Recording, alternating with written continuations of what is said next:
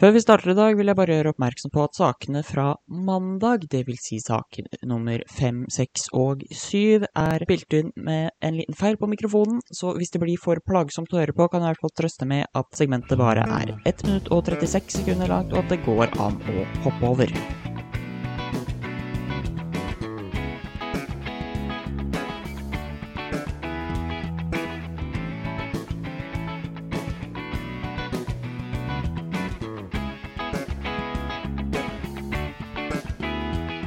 Velkommen til Skeiv nytt. Her er de skeive nyhetssakene for uka som har gått.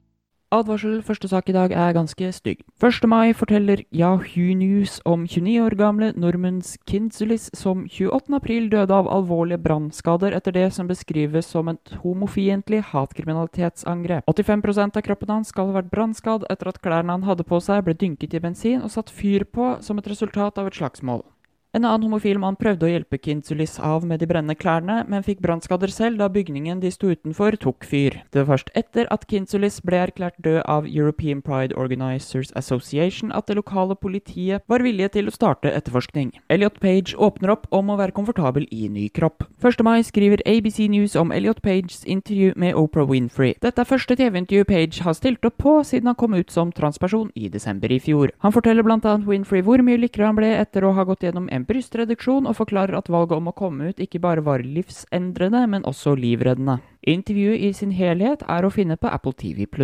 I den anledning kjønnsbekreftende behandling styrker mental helse. Transpersoner som får tilgang til kjønnsbekreftende behandling, melder å ha bedre mental helse, ifølge ny studie. Det er NBC News som omtalte saken 1. mai. Rapporten ble offentliggjort onsdag forrige uke av JAMA, og har sammenlignet psykologisk stressnivå, risiko for selvmord og rusproblematikk blant transpersoner som har og ikke har gjennomgått kjønnsbekreftende operasjoner. Rapporten konkluderer med at transpersoner som ikke hadde tilgang på tjenestene, var dobbelt så sannsynlig å oppleve psykisk stress eller selvmordstanker som en konsekvens av kjønnsidentiteten sin. Caitlyn Jenner vil nekte transjenter å delta i jentesport. Dette var kanskje ikke utdannelsen mange ventet seg fra Caitlyn Jenner, men 2. mai publiserte TMZ.com et kort intervju med Jenner hvor hun får spørsmål om sitt ståsted om kampen for transjenter i jentesport. Hun svarer at det er et spørsmål om rettferdighet, og sier derfor hun motsetter seg det hun kaller biologiske gutter, som er transpersoner, kan få konkurrere likestilt med jenter i sport og idrett. Delstaten Tennessee innfører transfiendtlig skilting. House Bill nummer 1182, som ble godkjent av Tennessee House i slutten av mars, ble 29.4 godkjent av Senatet i delstaten. Dette melder LGBTQ Nation. Loven vil pålegge alle fellestoaletter i offentlige og private bygg å skilte hvorvidt bedriften tillater transpersoner å bruke dem. Bygg hvor transpersoner kan bruke toalettet de føler passer best for sin kjønnsidentitet tvinges nå til å skilte med den noe transfiendtlige kunngjøringen 'either biological'. Sex altså tillates av begge biologiske kjønn. Reality-vinner donerer premie til LHBT-senter. Første sesong av internettpersonlighet Rosanna Pansinos HBO-serie Bektopia har kåret en vinner. 29.4 forteller Daily Sundial vinneren Georgie Rodriguez' historie om forsøkene for å delta i et matprogram. Allerede i andre episode av sesongen forteller Rodriguez at han ønsker å donere en del av premien om han vinner. Litt over 600 dollar ble donert til ungdommene tilhørende Los Angeles LGBT Center, som er en stiftelse Rodriguez har nært hjertet sitt. Fra et senter til et annet. LHBT-senter fjerner gatekunst.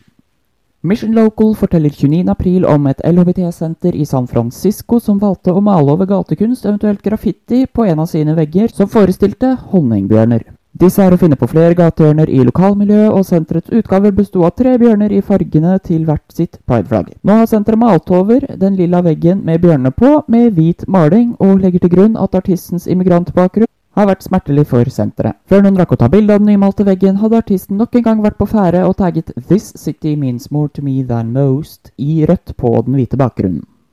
Sjokkerende hiv-tall i Ohio. 29.4 melder hivplusmagazine.com at fylket Butler i den amerikanske delstaten Ohio jobber med å få kontroll på spredningen av hiv. Spredningsøkningen på 700% kommer ifølge lokale helsemyndigheter fra økningen av en type rusmiddel i sprøyteform. I tillegg til å hjelpe de pårørende har to av fylkets byer nå satt opp to ekstraordinære prevention sites, eller sprøyterom, for å forebygge at det settes flere hiv-positive sprøyter. Uganda styrker homofiendtlige lover. 4. mai melder Metro Weekly at myndighetene i Uganda strammer inn lover og regler vedrørende homofili og likekjønnet sex ytterligere. Homofil sex vil nå markedsføres som et unaturlig lovbrudd. Blir man dømt for homofil sex i Uganda, kan man nå vente seg en fengselsdom på fem år. Det er også spesifisert i lovteksten at man kan få livstid. Dette avsnittet praktiseres ikke, i likhet med dødsstraffen for homofil sex landet innførte i 2013. Nå trenger vi en gladsak. Texas House stopper kontroversielt forbud. Houston Chronicles kommer 4. mai med gladnyheten om at Senate Bill nummer 29 ble stoppet i Texas House med marginalt flertall. Med kun én en stemme mer imot vedtok komiteen å ikke videreføre loven som nekter transjenter å delta i jentesport på skolelag. Komiteens vedtak gjør at House i sin helhet ikke kan stemme over forslaget, og det har per definisjon falt og kan ikke sendes ut på gulvet igjen.